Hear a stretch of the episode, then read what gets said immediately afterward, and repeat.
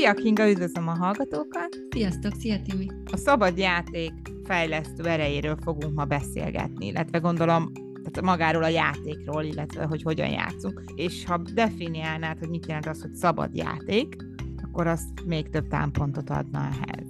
Játékkal kapcsolatban a szülőknek nagyon különböző elképzelés él a fejében, hogy hogyan kell játszani. A legtöbb szülő fejébe az van, hogy egyedül játszon a gyerek.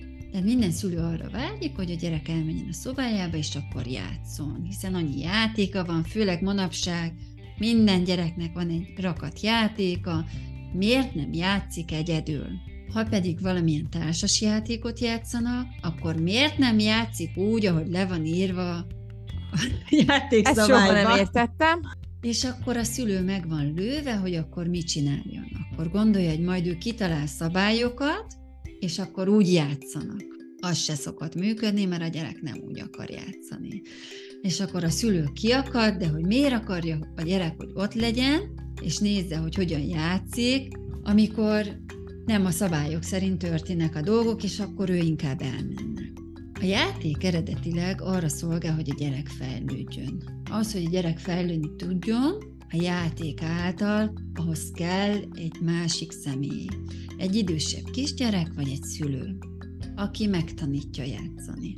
Tehát a gyerek magától nem tudja, hogy mit kell azokkal csinálni, ahhoz a szülő kell, hiszen megszületik a gyerek, és neki egy, egy fehér lap az élete, tehát hogy azt kell így telerakni. Hát ha kap egy babát egy kislány, nem feltétlenül tudja, hogy mit kell vele csinálni, vagy egy kisfiú kap katonákat, hogy az mire szolgál. Tehát a szülőnek meg kell tanítani játszani. De úgy kell megtanítani játszani, hogy nem egy ráerőltetés módon, hogy ezt így használjuk és kész, és ne úgy használd, mert az autó nem repül, az autót a szőnyegen tologatjuk, az autó nem megy le az útról, hanem csak az úton megy. Tehát hagyni kell, hogy a gyerek kreatív lehessen. Hogy kiélhesse az ő kis fantáziáit, hogy mivel, hogyan játszik. Mert hogy így tud ő igazán fejlődni. Az, hogy a társasjátékhoz kell egy szülő, így egyértelmű, de hogy az akkor tud jó lenni a társasjáték, hogyha az elején, amikor még pici, akkor úgy játszák, hogy a gyerek szeretné. Hogyha ő kettőt szeretne dobni, és akkor úgy haladhatnak, hogy ő mindig kettőt dob dobókockával, és lép annyit, amennyit ő gondol, akkor azt kell hagyni a gyereknek. Aztán majd szépen lassan megtanulja a nagyovodáskorra, iskoláskorra, hogy vannak szabályok, és hogy azokat betartjuk és úgy csináljuk és egyébként meg hagyni, hogy itt szabadon lehessen játszani együtt. Hogy én ott vagyok, terelem, figyelek arra, hogy mit csinál, ahol kell, akkor ott közbeszólok, én is beleszállok a monológ, vagy a dialógba, kicsit előre lendítem a játékát, de én inkább, mint egy passzív megfigyelő vagyok uh-huh. jelen. És így tud a legjobban fejlődni a gyerek a játék által milyen károkat okozhatunk azzal, hogyha már pedig ragaszkodunk a társas játékokba, a szabályokhoz egy két éves gyereke. Amellett, hogy én nem látom azt, hogy egyáltalán ez működne, és hogy tudunk játszani, tehát hogy mi, hova vezethet ez? Oda vezet, hogy a motivációt teljes mértékben elveszíti.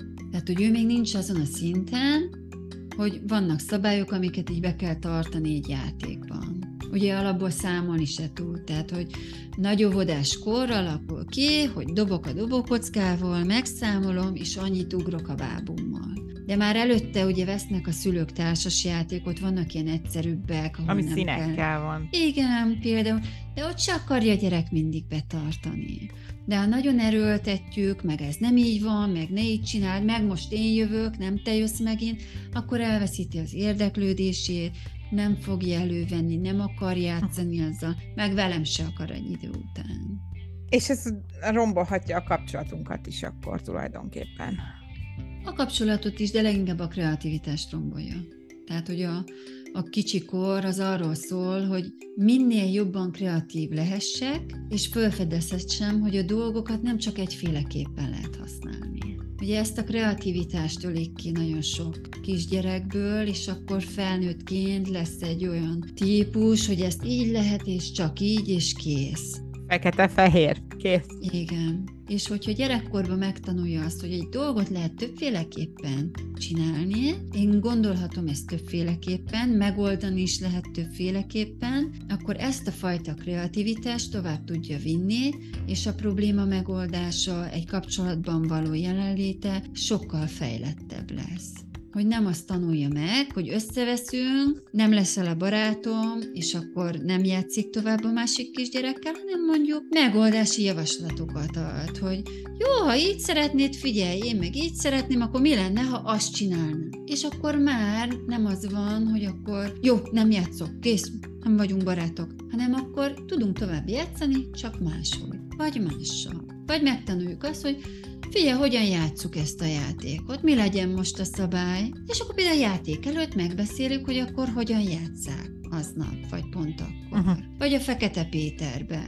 Nem feltétlenül kell, hogy akinél marad a, az az egy darab lap, a Fekete Péter, hogy az veszi. Lehet úgy játszani, akinél marad, az nyer. Tehát, hogy, hogy ezeket tudja megtanulni egy gyerek kiskorban. Mert az iskoláskor pont annak a korszaknak a kezdete, ahol a szabályokhoz kell alkalmazkodni. Hogy beülök a tanórára, hogy végülöm, hogy megcsem a feladatot akkor is, hogyha nem akarom. Uh-huh. Már nem arról szól, hogy akkor bontakozzon ki a kreativitás.